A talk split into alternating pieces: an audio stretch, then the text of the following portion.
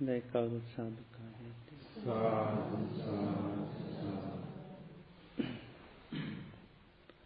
නමුතස්ස භගවතු අරහතු සම්මා සම්බුද්ධස්ස නමුතස්ස භගවතු අරහතු සම්මා සම්බුද්ධස්ස නමෝතස්ස භගවතු අරහතු සම්මා සම්බුද්දස්ස.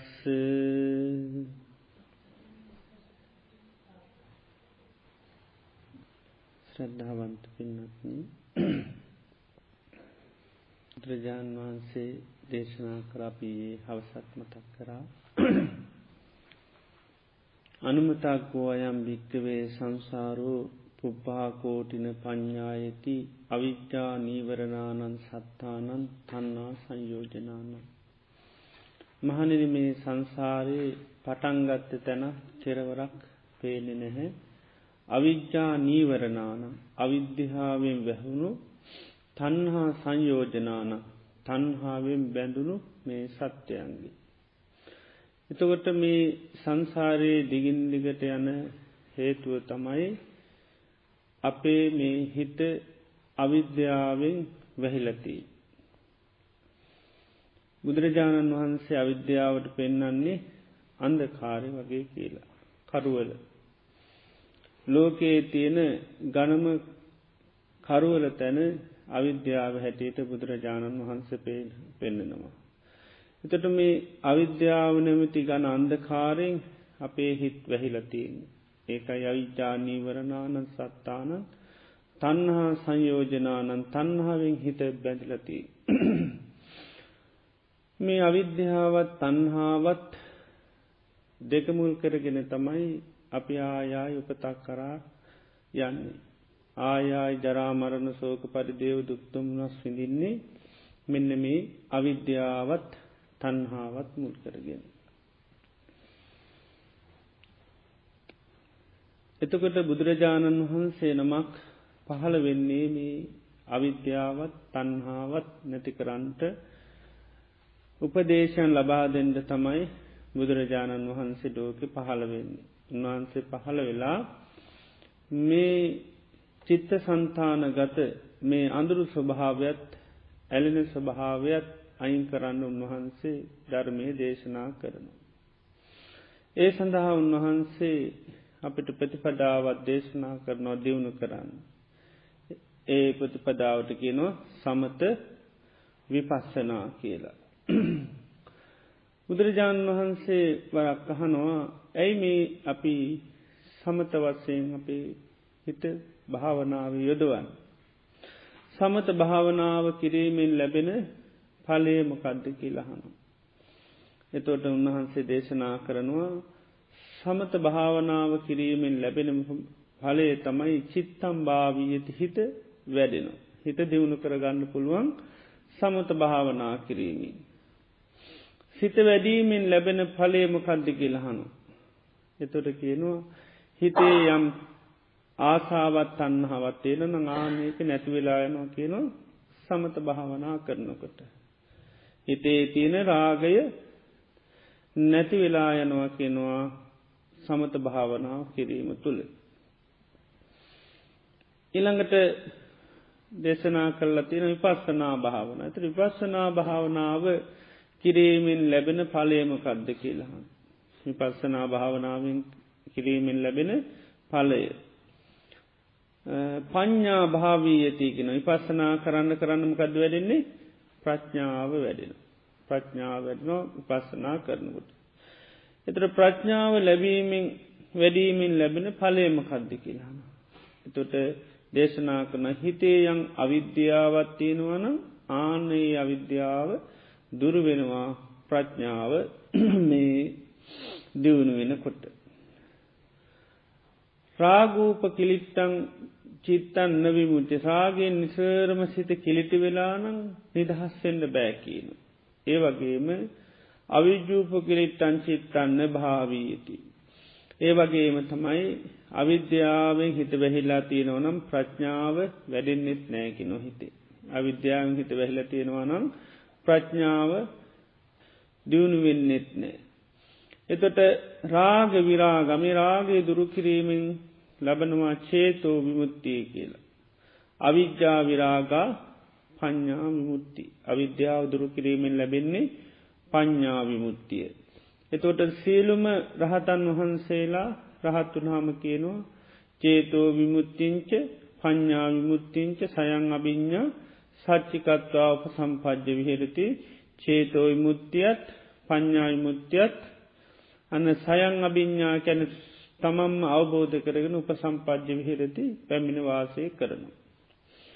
එතකොට රහත්වෙනකොට අර සංසාරයේ දිගින් දිගට යන අන්න අර ස්වභාවේ නැතිවෙන. ඒ තමයි අවිද්‍යාවත් තන්නහාවත් දුරුවෙනවා. සමත භාවනාව දියුණු කිරීමෙන් හිතේ තිනර තන්නාවාසාාව කියනක ප්‍රහාණ වෙනවා. විපස්සනා භාවනා කිරීමෙන් හිතේ තියෙන අවිද්‍යාව දුරුවෙනවා. එතොට මේ සංසාරය යන ධර්මතා දෙක තමයි මේ අවිද්‍යාවෙන් හිත වැහිලා තන්හාාවෙන් හිත බැඳිලා. එතොට මේ අපේ සමති පර්ශනා භාවනා කිරීම තුළ අන්නේ ස්වභාවේ ඒ ගති දෙක අපිට නැති කරගන්න පුළුවන් අපි සමත භාවනාව දියුණු කරන්න කරන්න හිතේ තියෙනර දැඩි ඇල්ම කියන එක නැතිවෙන. මේ හිතේ ස්වභාවය තමයි නිතරම අරමුණු හෙන හැම එකටම හිත බැඳි බැඳී යන එක. හිතට යමක් මුණ ගැහෙනවාද දැනෙනවාද ඒ හැම එකටම හිත බැඳන එක තමයි හිතේ තියෙන ස්වභාවේ. ඉතේ නිසා සාමාන්‍යයෙන් හිත ඩෝනම දෙයක් මතක් වෙනවනන් ඒ හැම දේකට මැලුම් කර කර ඒ සැම දෙයම්ම හිත හිත ඉන්න ගටයක් මේ හිතේ තිී. සමත භාවනා කරන්න කරන්න අපි අර විවිධාකාර අරමුණ කරා දුවන මේ මනස එක ආරම්මයට ඒ අරමුණකට සමත භාවනාව තුළින් ගන්න. තොර සමත කරන්න කරන්න සිත ඒ කාගතාවයට පත්වෙන. සමාධිය කියල තෝරන්නේ බුදුරජාණන් වහන්සේ යාචිත්තස්ස ඒකග්ගතා අයන්තත්ත සමාධී සිතේ එකඟ බවට තමයි සමාධිය කියල කියන්නේ. සිත එක අරමුණකට පවත්වා ගණ්ඩ පුළුවන් හැකියාවටගෙන සමාධි කියල. දැන් අපි සමත භාවනා මොනහරි දෙයක් පාවිච්චි කරනකොට සමත භාවනාක දීවසය කරනකොට අපි ඒ භාවනා මනසිකාරය මුලින්ම පාවිච්චි කරනවා නාපාර සතිය වෙන්න පුළන් එම නැත්තං අට්ටික සංඥා වෙන්න පුළුවන්. ඒ විදියට අපි යම් භාවනා ආරම්මණයක් පවත්වනකොට අපිට මේ හිත එකඟ වෙනකොට ඒ භාවනා අරමුණේම හිත පවත්වාගෙන ඉන්න පුළන්ගට කියන විතක්ක කියලා.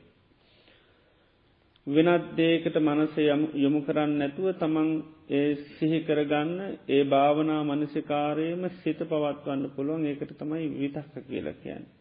විචාරය කියලා කියන වෙනත් දේවල් වලට මනස හැසිරෙන්නේ නැහැ මේ අරමුණේම හිත හැසිරෙනවා.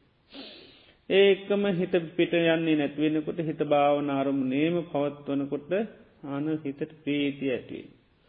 ඊළඟට මේ භාවනාවේ හිත හොඳට තැන්පත්වෙන්ට කායික වසෙන් මානසික වසෙන් ලොකු සුවපත් භාවයක් තැනෙනවා ඒ වගේම සිත්ත එකඟ වෙනවා.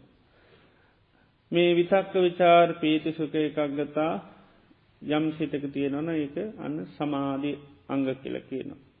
ජානංග කිල්ලත් තියෙනවා මේ අංගවලින් හිත සකස් වෙන්නකොට අන්න හිත තැම්පත් වෙලා තමගේ භාවනාරමුණේම පවත්වීම හැකියාව තියෙන.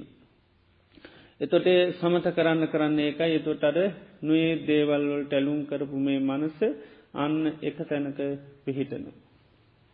තොට විපස්සනා භාවනාවෙන් කරන්නේ නිතරම ජීවිතය යථාර්ථය බලන්න පුළුවන්ගන්න යථාර්ථය අපි වර්තමාන කරගෙන බලන. යථාර්ථය බලන්න බලන්න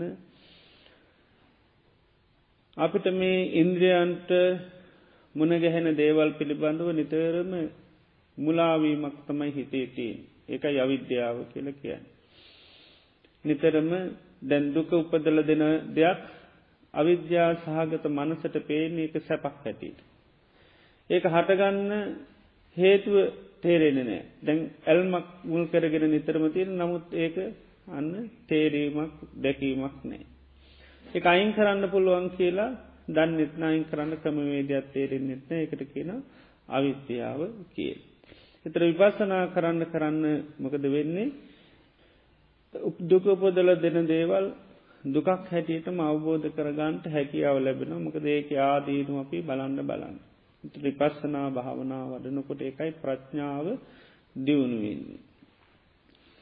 එතොට මේ සමත විපස්සනා කියන දෙකම අපි අනිවාරයම පුරුදු කරන්න ඕනි.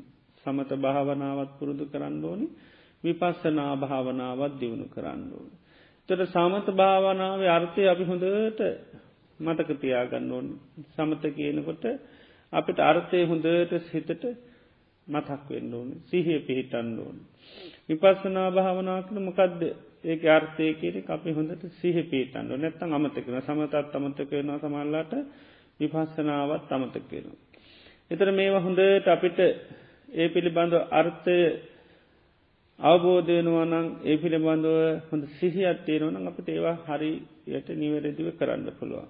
නැත්තං ඒ පිළිබඳව අවබෝධයක් මතකයක් නැතිවුණොත් අපට ඒවා නිසි ලෙස පවත්වන්න හැකියාව ලැබෙන්නේ නැහැ. එතර මේ සමත විපස්සනා දෙකම අපි දියුණු කරන්නේ අපේ මේ මනස තුළ සිත තුළ තමයි මේ සමතයත් විපස්සනාවත් කියන එක දියුණු කරන්න. තට භාවනා කිරීමේදී තුවට අප මේ ඇර සමත භාවනාව කරනකොට මොකක්ද කරන චිත්තම් භාවත හිත වඩන. ඒකයි. හිතේ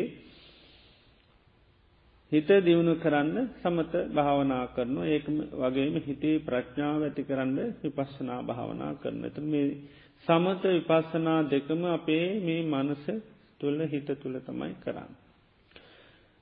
එතවට අපි මේ හිත පිළිබඳව හොඳ අවබෝධයකට පත්වෙලා තමයි මේ භාවනාව දියුණු කරන්නට ඕන්. දැන් සිත අපේ මනස මේ හිත කියලා කියනකොට හිත එක පාට මතක්වෙන මොකක් හැටියද. මගේ හිත කියල තමයි සිහිවෙන්. මගේ හිත කියල තමයි සිහිවෙන්නේ. එතවට අපි අවබෝධ කර ගණ්ඩෝනි ඇත්තටම හිත බුදුරජාණන් වහන්ස කියනවා මගේ නම් ඒක බොහෝම පහසයෙන් කරගන්න පුළුව. නිතරම කෙනෙකුට අයිති දෙයක් එයාට ඕන හැටි ටික්මනින් කරන්න පුළුව. නමුත් හිත කියන්නේ හේතු පල දහමකට අයත් දෙයක් මිසක් පාලනී කිරීමේ හැකියාවක් නෑ. අන කරලා පාලනය කරන්න මේ හිතට පුළුවන්කමක් නෑ. මෙහෙම වෙන්න මෙහෙම වෙන්න පා කියලා එහෙම පාලනය කරන්න බෑ. උන්වහන්ස දේශනා කරන විඤ්ඥානංච හිදම් භික්කවේ අත්තාභවිස්ස මේ විඤ්ඥානී ආත්මයක් වූවේ නම් ලබ්බේචච විඤ්ඥානි විඤ්ඥානී ලබන්න පුළුවන් ඒවම් මේ විඤ්ඥානං හෝතු මගේ විඤ්ඥානය මෙහෙම වෙන්න ඒවම් මහාවෝසි මෙහෙම වෙන්න පා කියලා පාලනය කරන්න පුළුවන් කිය. අන කරන්න පුළුවන් මෙහෙම වෙන්න මෙහෙම වෙන්න පා කියලා. නමුත් කෙන යස්මාචකෝභික්කව විඤ්ඥානං අනත්තා විඤ්ඥානය අනාත්ම නිසා නච ලබ්බති විඤ්ඥාන විඤ්ඥානය ලබන්න බැහැ ඒවම් මේ හෝතු මෙහෙම වෙන්න ඒවම් මාවෝසි මෙහෙම වෙන්න එපා කියන. එතකොට විඤ්ඥානය නිතරම හේතු සහගතුව තමයි සකස් වෙන්නේ. ඒ අනුව ඒ ඇරෙන්ඩ අපිට ඕන විදිහට පාලනය කරන්න බෑ. නැත්තං අපිට භාවනා දෙන්න පොඩි අන කිරිල්ලක් කරල පැත්ත කරල ඉන්න පුල දැම් භාවනා කරපන් කිව්වාගාන් නේද? භාවනා කරගෙන ඉදී දැන් සාමාන්‍ය ලෝක දේවල්වල තන කරනවා ඒවා සමරලාට ඒ විදිහට වෙන රජ කෙනෙකුට ලොකු බලයක් තින නිසා රජ කෙනෙකුට සාමාන්‍ය දේවල් අන කරලා කරන්න පුළුවන් බුදුරජන් වන්ස කියන රජ කෙනෙක් එහෙම කරාට අන කරලා එහෙම තමන්ගේ හිතට අන කරලා දේවල් කරන්න බෑකි. හිත හේතුඵල අනුව සකස් වෙනු ඇරෙන්න්න මේ අන කරලා පාලනය කරන්න පුළුවන් එකක් නොවී. එත ඒ නිසා අපි හොඳට හඳුන ගණ්ඩෝන මේක හේතු පල දාමක් හේතු හරියට හැදුනොත් හිත හැදේ. හේතු වැරදුනොත් හිත වරදිනවා. හිත ඒ පිළිබඳව හොඳ සිහියක් හිතේ අපිට තියෙන්ඩෝන්. හිත පිට යනවා කියන්න යන්න වැරදි විදිේ හේතු සකස් වෙලා හිද පිට යන. ඒනම් හිත තැම්පත් වනොත් ඒත් හොඳ හේතු නිසා. හිත තැම්පත්වෙන්නේ. ඒ පිළිබඳ අපේ සිහියත් නොතිබුණුත් අපිට භාවනාව හරියට කරගන්න බැරිවෙන. එනිසා මේ හැම තැනදීම හොඳට අපේ සිහිය තේන්ලෝ. අවබෝධය කියන අපිට තේන්ලෝ. හිත පිට යනුට අපි අවබෝධ කර ගණ්ඩෝන හිතේ මේ අනවස්‍ය හේතු සකස්වීම නිසා හිත පිටයන් ඒ. හිතේ නිසා මේ භාවනා කරනකොට හිතේ ස්වභාවය හොඳට හඳුනාගෙන අපි භාවනාව යෙදෙන්ඩෝන් නැවත නැවත ඒක ඒ සිහිය ඒ නුවන නිතරම ඇති කරගෙන තමයි භාවනාව යෙදෙන්න්නට ඕන්.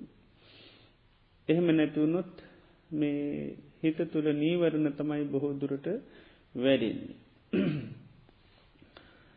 එතුවට මේ හිත බුදුරජාණන් වහන්සේ හිතේ ස්වභාවයන් දේශනා කරනවා මේ හිත පන්දනන් චපලංචිත්තන් දුරක්කන් දුන්නිවාරයන් හිත කියන්නේ සැලෙන එක. හෙල්ලෙන එකත්තමයි හිත නිතර එක දේක තියන්න පුළන් එකක්න සැලෙනවා නිතරම. පන්දනන් චපලංකයන් ස්තීර භාවයක් හිතට නෑ. ස්තීර ස්වභාවයක් නෑ. දැන් නිතරම තීරණ වෙනස් කරනයට අපි කියනවා චපලයි කියලා. චපලයි කියන නිතරම තීරණ වෙනස් කරනවා එක තීරණය කියලට වැඩ කරන්නේ. එතකොට අපි නිතරම යටකෙන හරි චපලයි කියලා. හිතත් ඒ වගේ තමයි අන්න එක තීරණයක නැහැ. දැන් ඔන්න භාවනාවට දැන් අපි ඉඳගන්න. පොඩි වෙලාවක් යැනකොට මොකද වෙන්නේ තීරණය වෙනස් කරලා. නේද. සුළු වෙලාවකින්ම තීරණය වෙනස් කරනේ තරම් ස්තීරත්වයක් නෑ. එහෙම විශ්වාසයකින් වැඩ කරන්න බෑ හිතට භාවනා කරන්න කියලා ඉඩදීල හිටියොත් එහෙම නොකද කරන්නේ. අන්න එහෙම ස්තීර කෙනෙක් නෙවෙනි මගදීම අතෑරල යනු. අපි ස්තීර නැති කෙනෙක් එක්ක ගමනක් යන්න ගියොත්මකද එනකංසුවර නෑ. විශ්වාසයක් නෑ. ඇවිල්ල යනකං විශ්වාස නමකද මගදීම යන්නත් පුළුව. ආන ඒ වගේ මේ හිතත් හෙමයි අපි භාවනාවට පිහිටුව ගත්තට සුළු වෙලාවකින් ස්තීරණය වෙනස් කරලා අන්න හිත පිට යනවා. ඉති මේ හිතේ තියෙන ස්වභාවය අපි හොඳට හඳුන ගණ්ඩෝ. හිතේ තියෙන ලක්ෂණයක් ඒක. ඒකයි බුදුරජාණන් වහන්ස පෙන්නල තියෙන්නේ. හිති අපි ලක්ෂණය පිළිබඳ හොඳ අවබෝධය වගේ මතක තියෙන් ඕනි හිත පිට. අපේ භාවනාවෙන් හිත පිට ගියනම් අපේ සිහිය පද්දෝ ගන්නට මේ හිතේ තියෙන ස්වභාවිමකද චපල ස්වභාව.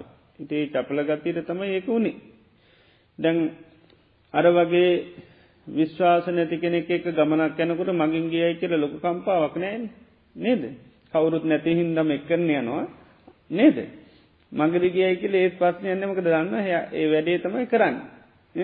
විශ්වාසයකින් තොරුවතින් කරන්න දෙයන්න නැතින් දැරංගිය වගේ නේද. කවරුත්ම නැති නිසා එක් කරන යන නමුත් විශ්වාසයකින් තොරුව කරන්නේ නෑ. නිතරම දන්නවා සමානලාට යන්න පුළ ඒවගේ තමයි හිතත්.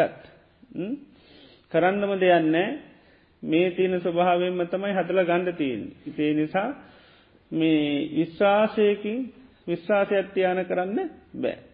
විශ්වාසයක් ඇති කරගන්න බැහැ.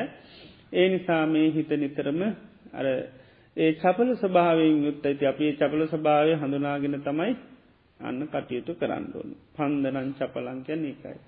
දුරක් අන්දුන් නිවාරය මේක රකින්න ආරශ්ා කරන්න මේ හිත පුළුවන්කමක් නෑ. නිතරම හිතේ ස්වභාවිමකක්ද පිටට දුවන එක ඒක එහෙම ලේෂයෙන් රකින්ද ආරශ්ා කරන්න පුළුවන්කමක් නෑ. ඉති මේ විදිහේ හිතේ තියෙන ස්වභාව හොඳට අවබෝධ කරගන්න ටෝන්. ඒ අවබෝධ කරගෙන තමයි අපි භාවනා කරන්නට ඕනි. එහෙම කරනකොට අපිට පුළුවන්කම ලැබෙනවා ටිකෙන් ටික මේ හිත පාලනය කරගන්න. ඒ වගේ හොඳ සිහියක් නුවනත් පවත්වනවනන් හිත සකස් කරගන්න හරි පහසු වෙනවා. එහෙම සිහියක් නුවනක් නැත්ත මකද වෙන්නේ හිත පිට යනකොට්ටමකද වෙන්නේ අපේ හිත විශ්චිප්ත භාවයට තවත් පත්වෙනවා. ඒ නිසා ඒ විදිය හොඳ සිහියක් මේ හිත පිළිබඳව හොඳ නුවනත් තීරණටුවන්. ති මේ හිත භාවනාවේ යොදනුකට මේ තනියෙන් ඒක යොදවන්න බෑ මෙමුදු ගතිරයෙන නිසා. චපල කෙනෙක් නිසා ස්තීරත්වයන් නැති නිසා නුවනක් නැති නිසා එහෙමනේ මේ තනිය යොදවන්න පුළුවන් එකක් නෙවේ හිත. දැන් අපි දන්නුව හරක්කින්නවන නෙද? හරත් තනින් හසුරුවන්න පුළුවන්කමක් නෑ තනියෙන් ජීවත්වෙනවා ඒ තනින් ජීවත්වෙනකොට ඔහේ ඉභාගාතයනෝ කියලන කියන්න. නේද? කැමති කැමති තැන්වල ඔහේ යන ගතියත් තමයි තියෙන් ඒ තනියෙන් එතකොට හරකෙක් වැඩේ යොදවන්න ගත්තොත් මොකද කරන්න ඕනේ? ආරශ්‍යකයෙක් දානවා හරකට. අරකා වැඩගන්න තත්ත්වයට පත් කරගත්තොත් හොඳට බරාදිින්ට පුළුවන් කෙනෙ කරක ඉතින් වැඩට ගන්නකොට මොකද කරන්න? අන්න ආරශ්‍යකයෙත් දාන. ආරශ්‍යකයෙත් දැම්මහම ඒ ආරශ්‍යකයාට අනුකූලෝව තම ඊට පස්සේ හරක වැඩ කරන්න. ඉතින් ගොඩාක් ජව සම්පන්නයි ගොඩා බල සම්පන්නයි හොඳට වැඩ කරන්න පුළුවන්. හැබැයි තනියෙන් බෑ. තනියෙන් බෑ. ආරශ්‍යකය අත්‍යවශ්‍යයි හැම වෙලේ මෙයාව හසුරු අන්ඩෝන් හසුරන හසුරන විදිරතම යන්න ඕන තනං බරදා එයා දන්න හැබැයි ප්‍රමාණ ඒකත් ප්‍රමාණය දැන ගණ්ඩෝනි කවුද?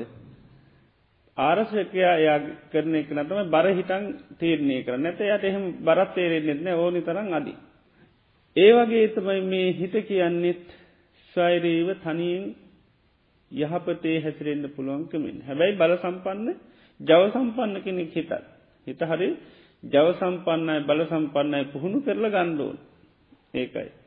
හොඳයට පුහුණු කරල ගත්තොත් හරි බල සම්පන්න ජව සම්පන්න කෙනෙක්. හැබැයි ඒකට තනින් යොදවන්න බෑ. තනියෙන් පුහුණු කරන්න බෑ. ආරශ්‍යකය කෝඩ් ආරශ්‍යකය ඕනි. ඒ නිසාර හරකට ආරශ්‍යකයෙක් වගේ හිතටත් භාවනා යුතු නිතර මාරශ්‍යකය මොකක්දේ ආරශ්‍යක තිහිය සිහිය. තමයි ආරශ්‍යකය හැටියට ගන්න. තොට සිහිය පිළිසරණ අනුවතමයි බුදුරජාණන් වන්සකින හිත වැඩ කරන්න. හිතට තියෙන පිළිසරණ සිහිය. එතට සිහිය තියෙන තරමට තමයි හිත වැඩ කරන්න. සිහි අඩුවෙන් අඩුවෙන්න්න හිත අන්න යහපතේ පුහුණු වෙන්න නිදැල්ලේ යෑම තමයි සිද්ධවෙන්න. හරකටත් ඒමයි ගොපල්ල ළඟ ඉන්න තාකල් තමයි පුහුණුව තියෙන්නේ. ගොපල්ල නැතිවෙච්චි ගමම්ම එයා ආය නිදැල්ලේ යෑම තමයි හරකගේ තියෙන්. හිතේ නිසා මේ නිතරම ක්‍රියාවේ යොදනකොට වැඩේ යොදනකොට අනිවාර්යම ගොපල්ල ළඟඉන්න. කරත්ත බැන්දොත් තින්ඩෝන් හාන්ඩ ගත්තොත් ඒ තින්ඩෝ නිකන් අංගුල බැඳල තිබ්බ කියලා හාන්ඩ තේරෙන්නේ ඒක යොදවන්නේ නිතරම අන්න ගොපල්ල තමයි යොදවන්න. ගමන බිමනක් කරයි යනකොට වනත් හැම තැනදීම යා පිටි පස්සේදල ක්‍රියාව යොදවන්ඩෝන් ඉති නිකං ඉන්නකොට අවශ්‍යතාවයන්න ඇති නිකන් ඕන තරන්නේ දැල්ලයාවී නමුත් ක්‍රියාව යොදනකොට අනිවාර්යම අවශ්‍ය වෙනවා. ඒවගේ තමයි හිතත් අපි මේ යහපතේ හැසිරෙනකොට හිත පුහුණු කරනකොට අනිවාර්යෙන්ම ආරශ්‍යයක්කයා ඉන්ඩෝනි. ඒ තමයි සිහිය. එතොට සිහිය නැමති ආරශ්‍යකයා ඉන්නකොට තමයි හිත හරියට මේ පුහුණුවේ අපිට යොදවන්න පුළුවන් කමතියෙන්. දැන් ගොපල්ලෙක් නිතරම ඒ හරකෙක් පාලනය කරනකොට හරක හොඳට අවබෝධ කරගෙන තමයි පාලනය කරන්න. ආරශ්ා කරන්න පාලනය කරන්න උගන්නන්න නිතරම මේ ක්‍රියාවට ය හරක ගන්නකට හරක පිළිබඳ දැනුවත් භාවේ තියෙන. මකදද තේරෙන්නේ කිය. මෝඩයි කියලා. මේ ඒ ස්වභාවය ඔක්කෝම හඳුනාගෙන තමයි පාලනයට ගන්න. එතොට හරකගේ තියෙන ගතිලක්ෂණ ස්වභාවයන් හඳුනාගන පාලනයට ගන්න හිද තම යාට දීර්ඝ කාලීනව උත්සාහය යෙදිලා හරක පුහුණු කරන්න.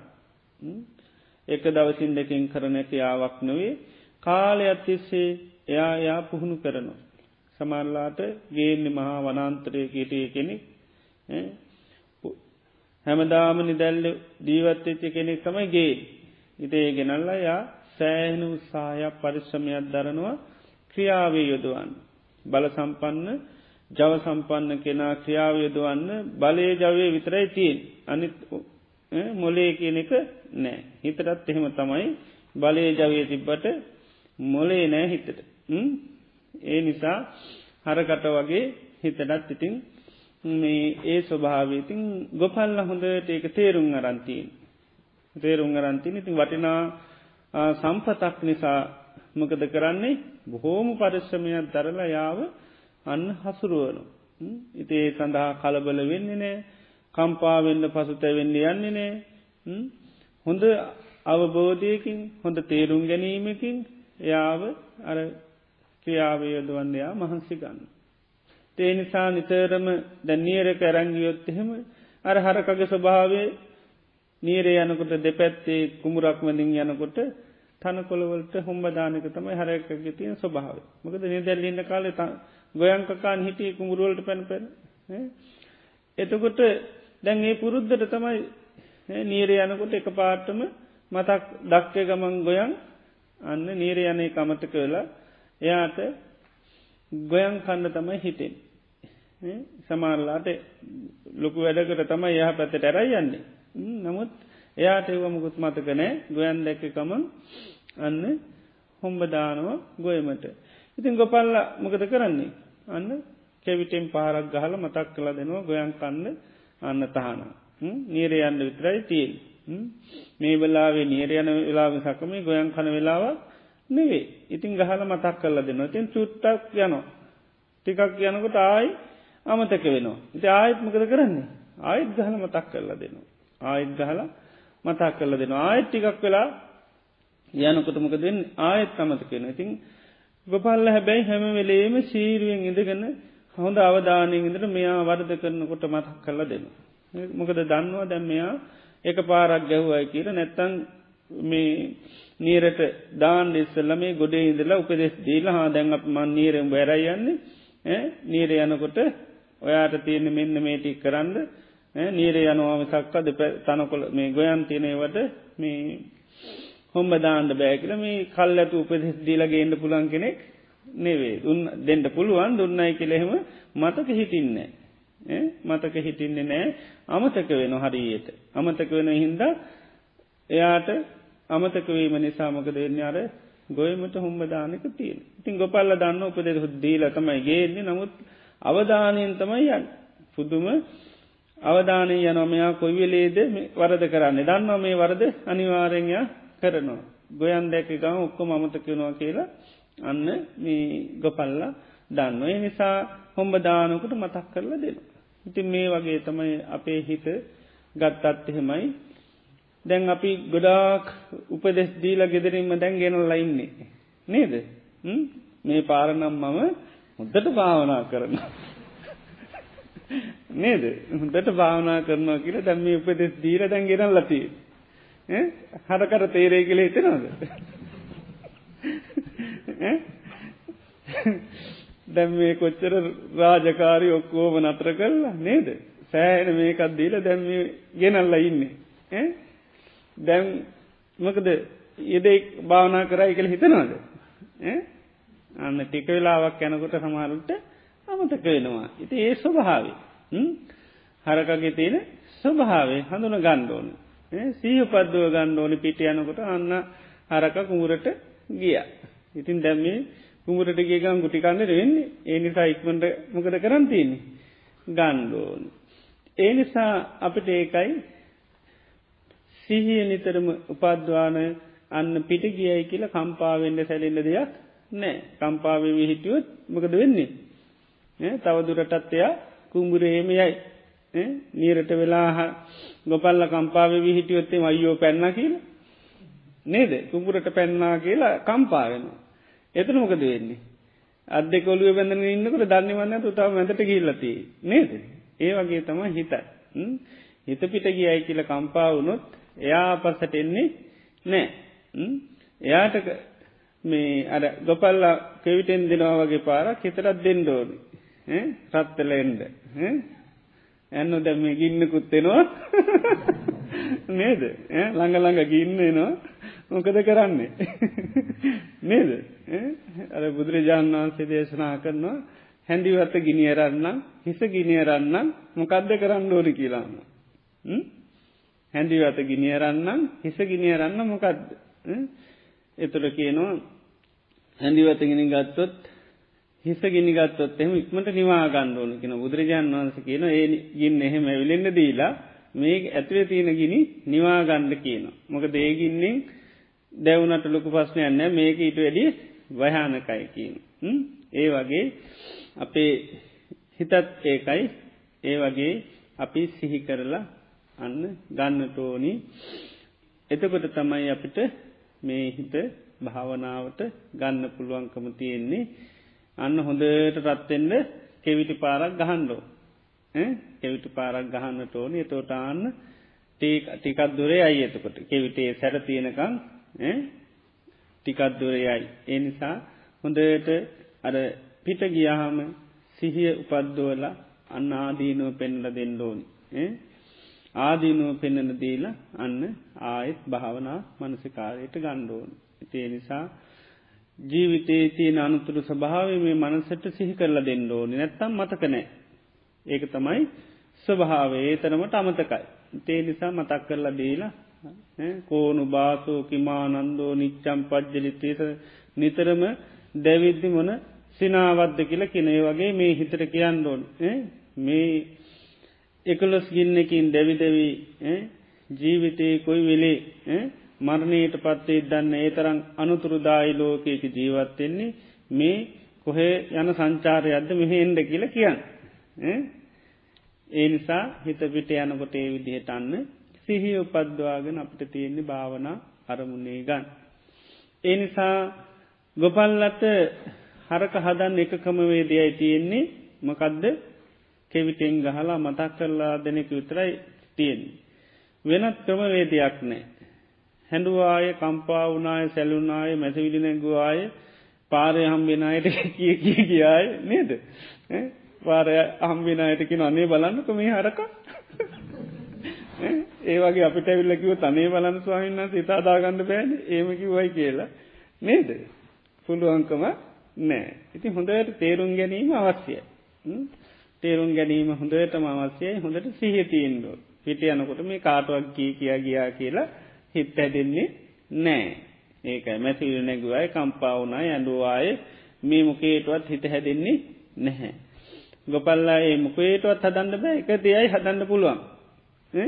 කෙවිටෙන් ගහන එක විතරයි ගොපල් හදන්න පුළමකද හරක හදන්න තියෙන එක්කම ක්‍රම වේදේ.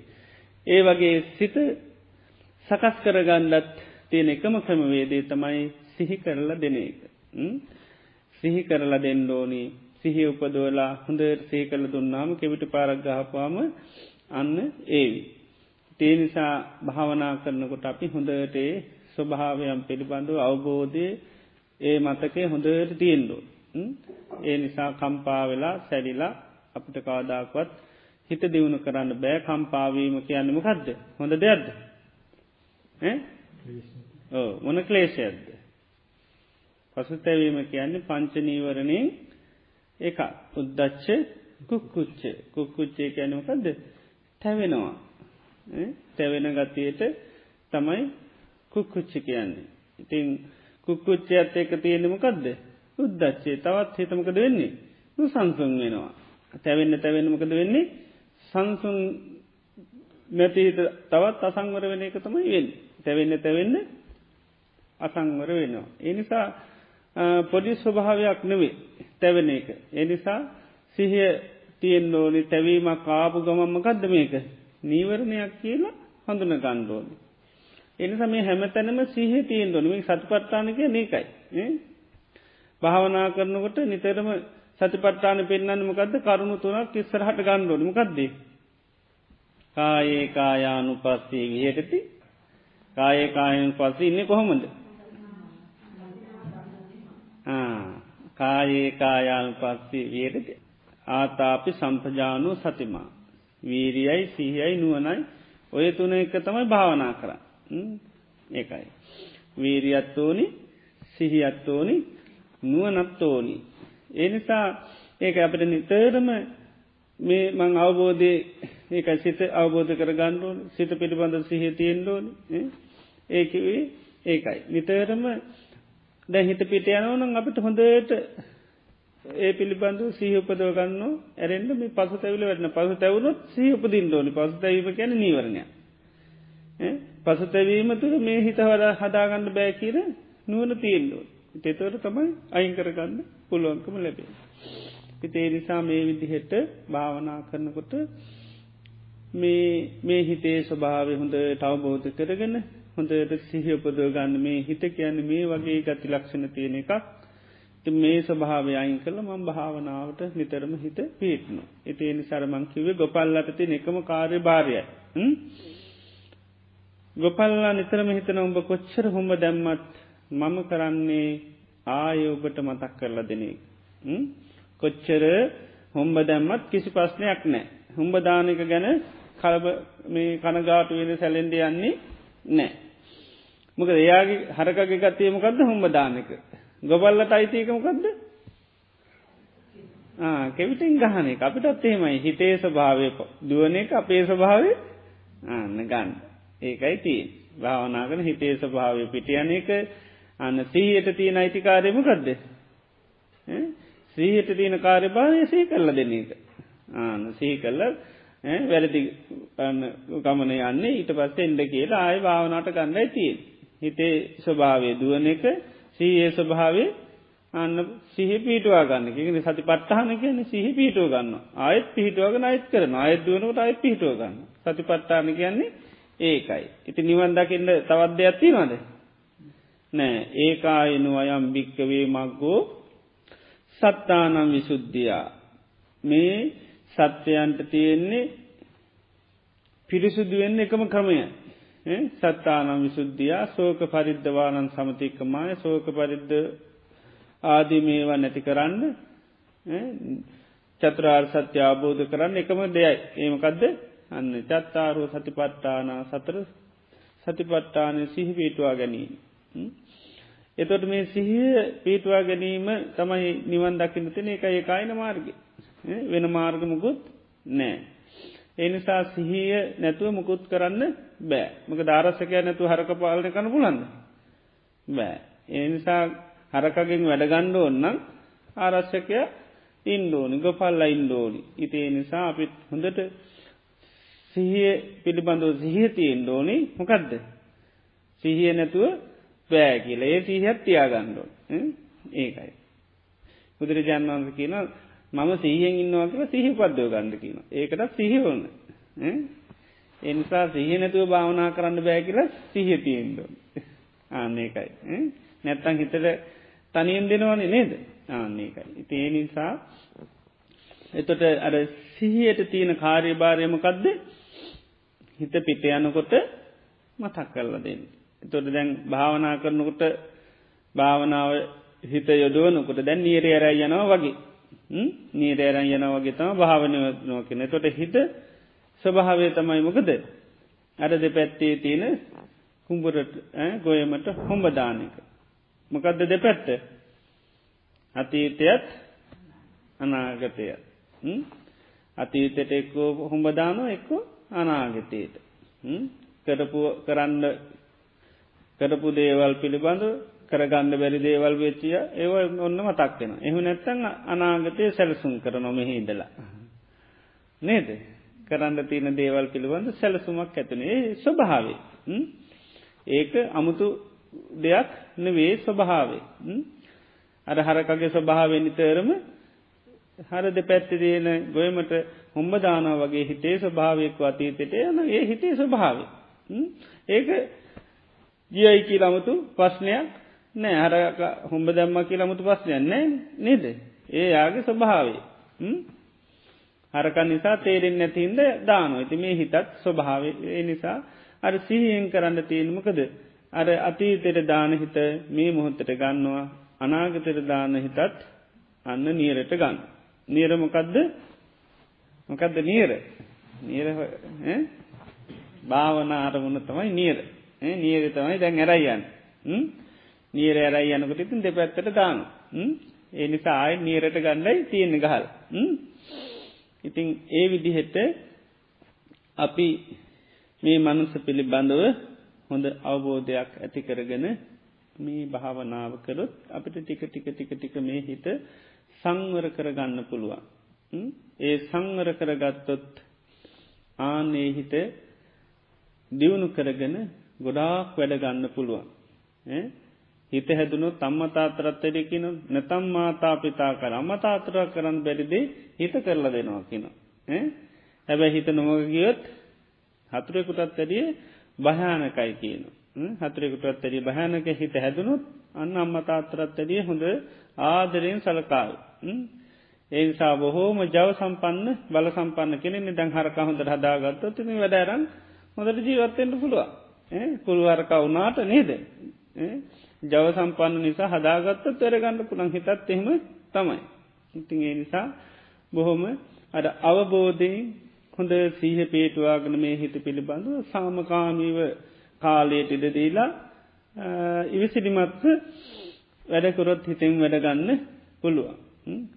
හරකා වගේ එකයි හරකාදනකත් කාලයට ඉඩදීලා ඉවසිලිමත්ව එයා පිළිබඳ අවබෝධයක් ඇති කරන වැඩ කරන හිද කොපල්ල කාලානුරූපෝ හරකගින් ගොඩාක් වැඩගන්න.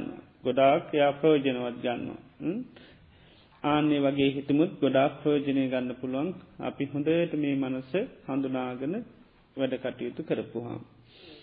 ඉළඟට ඒ විදිහට මනුසේ ස්වභාව හඳුනාගෙනන්න අපිට සමත භාවනාවක් විපස්සනා භාවනාවත් දියුණු කරන්න පුළුවන්.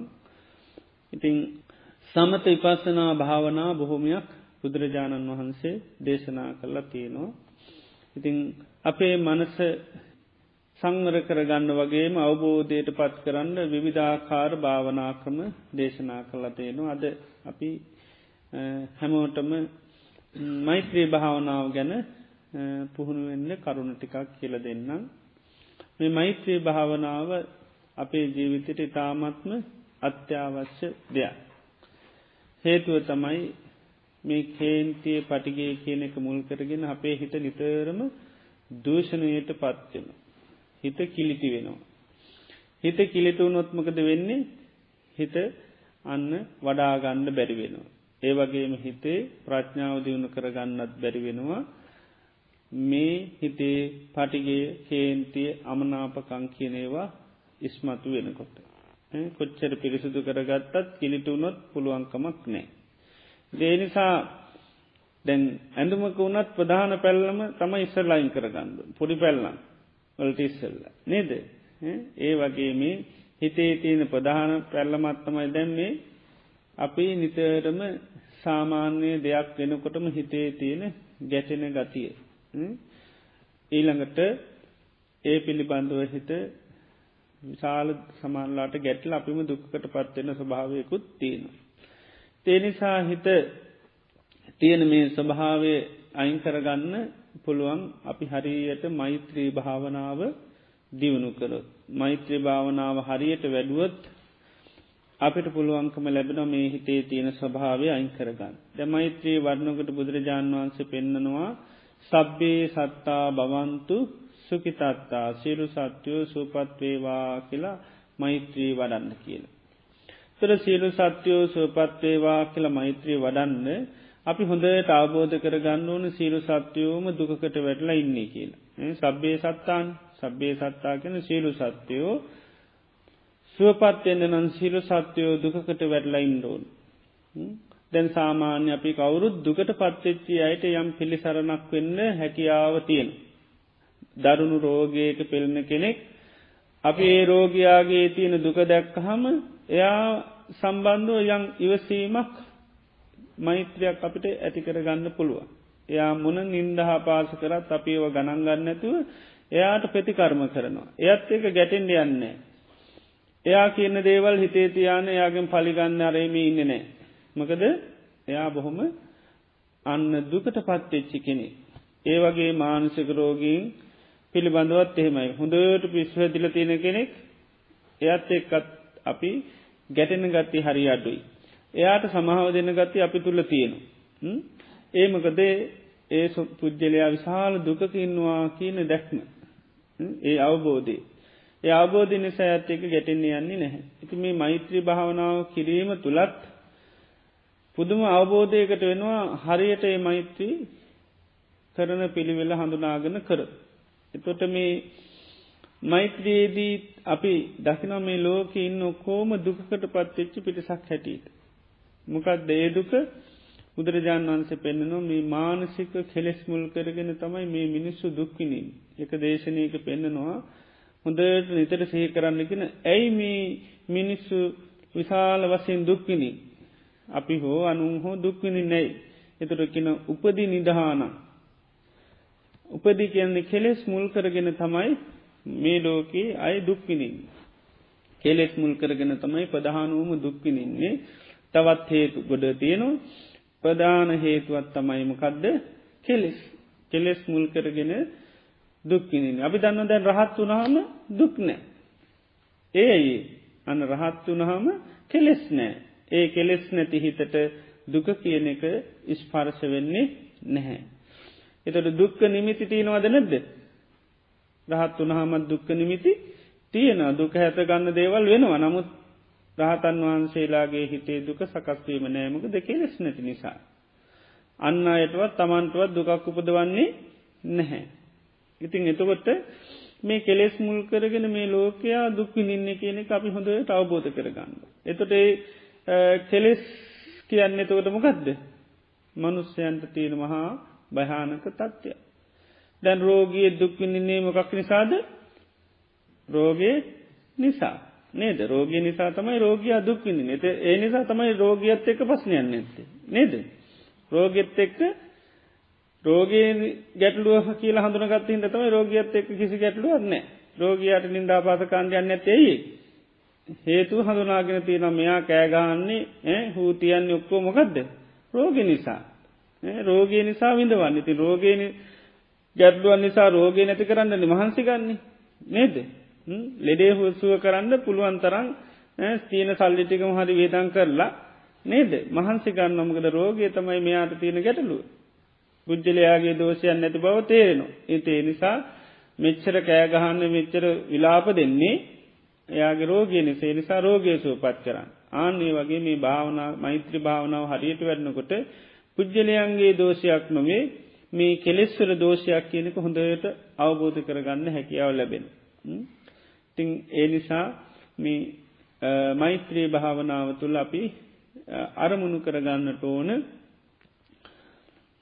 මේ ලෝකයේ ජීවත්වෙන මේ සත්‍යයම් මේ කෙලෙස් මුල් කරගෙන තමයි විශාල දුකකට පත්ලතියන්නේ. ඉතින් මේ සිත්වල තියෙන කෙලෙස් නැතිවෙලා මේ අය සුවපත් පුද්ජලයම් බවට පත්තේවා කෙනෙක තමයි සබ්බේ සත්තා බවන්තු සුකිතත්තා කියලා මෛත්‍රී වඩන්ඩුව.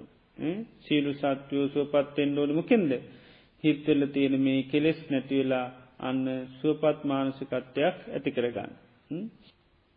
අපි අවබෝධයෙන් කරොත් අපිට කාලයක් යනකට තේරන මේ සීරු සත්තු කැනමනු ලෝකන ජීවත්වන යොක්කුම දුකකින්න ඉතින් දුකකින්නයගෙන් අපි ඊට පස්ස පිටි සරණ බලාපොරොත්ති නොද බෑ. එහෙම වෙන්න පුළුවන්කමක් නැහැ. ඉති ආනේ අවබෝධයට පත්වෙන්න පුළුවන් මේ මෛත්‍රී භාවනාව කරොත් අපි තවස්ථාවක මේ සම්බන්ධ වැඩියෙන් අපි සාකච්ඡා කරමු.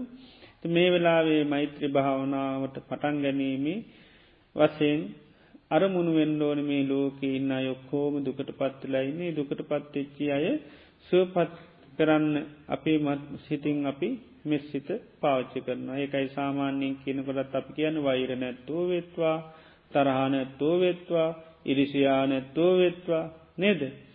ඒ විදියට සාමාන්‍යයෙන් අපි මෛත්‍රී වටනවා. හිට මේක මතු කරගෙන තමයි මෛත්‍රී කරන්නඩෝන් එතෝට හොඳට ලෝකඉන්න සත්‍යයන් සිහි කරලා මේ ජීවත්වෙන ඔක්කෝම ලෝක අයගේ හිත්වල නිරන්තරයෙන්ම මෙරාග දේශ මෝහමාන්නාදී කෙලෙස් රෝගයන්ගෙන් යුත්තයි.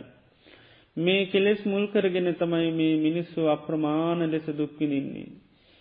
යම්තාක් දැම් මේ වෙනකොට සමාල්ලාට අපි දන්න දැන් ගින්න කටගෙන දැම් මිනිසු ගොඩා බයන් සමටේ ආසන්නය ඉන්නවා. කෙලෙස් නැතිව කෙනෙකිට එන යා බයත්ති නොද නෑන නේද? ද රහතන් වහන්සේ නමක්ගේ පැත්ති කුටියක් හදානන්නවා බයක් වෙන ද දැන් ගින්න නවා කියලා ඇන්න නෑ. එතට පේනවන නේද? තර කෙලෙස් මුල් කරගෙන තමයි අර බාහිරව හටගන්න දේත් එක දුක්විලින් එතට කෙලෙස් තියෙන කෙනාට ලොකු ගැටලුවත් අනිත් කෙලෙස් නැත්තන් යායට පස්සයක් නෑ. එයා ඒක මඟහරන්න පුළුවන්න මගාරනවා එක පිච්චුනයි කියලා එකින් කම්පාවෙන්නේ සැලෙන්නේ නෑ. එතුට මේ අපි හොඳට සිහපදව ගන්නව මිනිසු දුක්කිනනවා දුක්කින මේ කෙලෙස් නිසා. කෙලෙස් නිසා තමයි දුක් නේල්සා මේ මනුස්්‍යයන්ගේ චිත සන්තාන තුළ තියෙන කෙලෙස් තිනතා කල් මහා අසරණ රෝගීන් වගේ. රෝගීකමකට වැඩිය භයානක තත්ත්වයක් මේ කෙලෙස් කියන එක. දැම් පිළිකාරෝගියෙක් මැරුණොත්තේම අපායනවද පිළිකාව නිසා. ද අපි ගොඩා අනුකම්පා කරන්න පිළිකාරෝගීම නේද. දැම් පිළිකාව නිසා පායන්නේ දේශයෙන් හිටියොත්තේම කවරද පායන්න නැද්ද. අපා යනවා. එතොට අපි කාටද වැඩියෙන් අනුකම්පා කරන්නට. අන්න දේශයෙන් ඉන්න රෝගයට තමයි ගොඩාක් එයාට තමයි ගොඩාක් අපි කරුණාමෛත්‍රී දක්වල අපිට දැන් එයාගේ පිළිකාව නම් බෙහෙත් දෙන්න පුළුවන් නේද? දැ මනසේ තියෙන දේශයයින් කරන්න මොකද කරන්න තිය බෑ අපිට අන්න සිතින් යමක් අපි ඒකයි කරන්න ආන්න මෛත්‍රී කරන්නේ ඒකයි. අපේ හිතින් පාතරනාවක් කරන අනේ මෙයාගේ හිතේ තින මේ කෙලෙස් නැතිවල මේ දේශේ නැතිවල මේ වෛරේ නැතිවල සුවපත් පුද්ජලය බවට පත්තේවා කියලා. ඉතින් ඒ නිසාර රෝගයාට උපස්ථාන කරනකට ඉස්මතු කරලා ගණ්ඩෝනමකක්ද. රෝගය. රෝග ඉස්මතු කරලා ගන්න. රෝගේකම ධර්නුකම දකින කර තමයි එයාගේ පීඩ අපිට විඳ දරාගන්න පුළුවන්. රෝගය සුළුපට වුණොත් එහෙම බොරුවට කෑගානො කළ ඊටවත යත් එක්ක තමයි නේද? මේ වෙන්නේ. දර රෝගියත් එක්ක ප්‍රශ්න කරගන්න. මොක රෝග හඳුන ගත්ත නැතුව. රෝගයේ තියන දරුණුකම ඉස්මතු කර ගත්තොත්මක වෙන්නේ? අරය මොන ජාතිය දේවල් දැම්මත් කිසි ගැටලුවක් නෑ කරණන් ගැව්වත් ඉවසන්න පුළුවන් නේද රෝගයා කරණන් ගැව්වත් අපි නෙවේ ගණන් ගන්න මක අපි දන්නවා පස්්නමකක්ද කියලා ආනේ වගේ තමයි ජීවත්වෙන සමාජය තුළත් අපි තේරුම් ගන්න ඕනි පස්්නමකක්ද ආනේතයි මේ කෙලෙස්. ඉතින් ඒ නිසා ඒක ඉස්මතු කරල ගත්තාම මිනිසු මොන කරණන් ගැවත් අපි නෑ හෙල්ලෙන් ආනන්. නමේ චිත්තම් විපන තම්බවසි මනම් මගේ හිත වෙනස් කරගන්නෑ කියන තැනඉන්න. න පාපිකන් වාචන් නිශ්ාරච්චා මනන්න පුරුවචනයක් කතා කරන්න හිතානු කම්පේ වාසය කරන මෙස්සිතින් මේ කරණන් ගහන කෙනටල් ලෝක ඔක්කෝටම වෛර නැති තරහ නැති මේ සිතින් වාසය කරනවා කිය අන්න මෛත්‍රී දියුණු කරන්න පුළුවන්. එනිසා ඉස්මතු කරලා ගන්න ඕනේ. ස්වභාව ආන්නේකයි. මිනිස්සු දුක් විදින ස්වභාවිස්මතු කළ ගත්තන් පස මිනිසු දුකින්නවා කියලා හොඳටම පේන. එතොට ඒ දුකට පත්තච්චයගේ ආනේ ඒ අයි විඳවන ස්වභාවය නැති කරන්න තමයි අපේ සිතින් අපි මෛත්‍රයේ දියුණු කරන ඒකයි වෛර නැත්තෝ වෙත්වා ගැන තරහ නැත්තෝ වෙත්වා දුක් පීඩා නැත්තෝ වෙත්වා කියල අපි මෙසිත වඩා. ඉතිේ නිසා නිතරම විස්මතු කරල ගණ්ඩෝනි මකක්ද. අන්න යාමී දුක්විඳින්නේ ඇයි කියනතැන්. තැන් රෝගයාමී කෑගහන දුක්කිනින්නේ මොකක්ද කියන කිස්මතු වෙලා තියන්නේ මොකක්ද රෝගය. ඉති එනිසා රෝගයයින් කරන්න වෑයන් කරන්න. එයා මේ මොනහරි කිව්වයි කියල ඒකම බෙහෙද්දීම නත කල්ලා පොඩ්ඩක්කින්න පැති දෙන්න මොකක් දෙකිව කියලද ඒක තේරුම් කල දෙන්න යනවාද. නේද ආමන් නිවැරදි කියල ඒ අහදන්නේ නොද්දැ. මොකුත් නෑ නේද. එයා කෑගහත් එයා විලාපදේද අපට චෝදනා කරත් මේ වෙලාවට කෑමගෙන විනෑ කිය හරි මොනවර කියද්දි ඒකට දැන් නිදහසට කරනු කියන්න යන්නේ නේද? නින්ද කරවන් ඕන ඉක්මට නිදි පෙත්තු දෙනවා. නේද? එති ඒ නිසා අන්නේ වගේ මේ මෛත්‍රී කරනකොටත් එහෙමයි. අපිට චෝදනාවක් කිව්වයි කියලා. ඕකට අපි මේ උත්තර බඳින්න යන්න ඒවා යන්න. අපි පැත්තකට ඉල්ල දන්නවා මේ උත්තර බඳර බඳන්න නේ තියෙන්නේ. නයාගේ මේ හිතේ තින මේ ස්වභාව යන අයින්ෙන් අපිට කරන්න තිය නිච්චරයි අපිට සිතිං අන්න යම් මේකක් කරන වැටෙන වෙන කරන්න දෙයක් නැහැ. ඉතේ නිසා තමයි මෛත්‍රී සිට පතුරුවන් එහෙමැරෙන් අර ලෙඩාට පෙතිපත්තකින් තියලා යා මේ තේරුම් කල දෙන්න යන්න නේද? ආන්නේ වගේ තමයි මෛත්‍රී හරියට කරනකොටත් අපි පුද්ජලයාගේ ස්තියන ස්වභාවේ තියෙන් ඇරලා අපි හිතින් අපි මෛත්‍රී කරනවා. සබ්බේ සත්තා බවන්තු සුකි තත්තා කියලා එදියට දියුණු කරන්න පුළුවන්. ඉතින් අපි දැන් ටික වෙලාවක් මෛත්‍රී භාවනා කරම.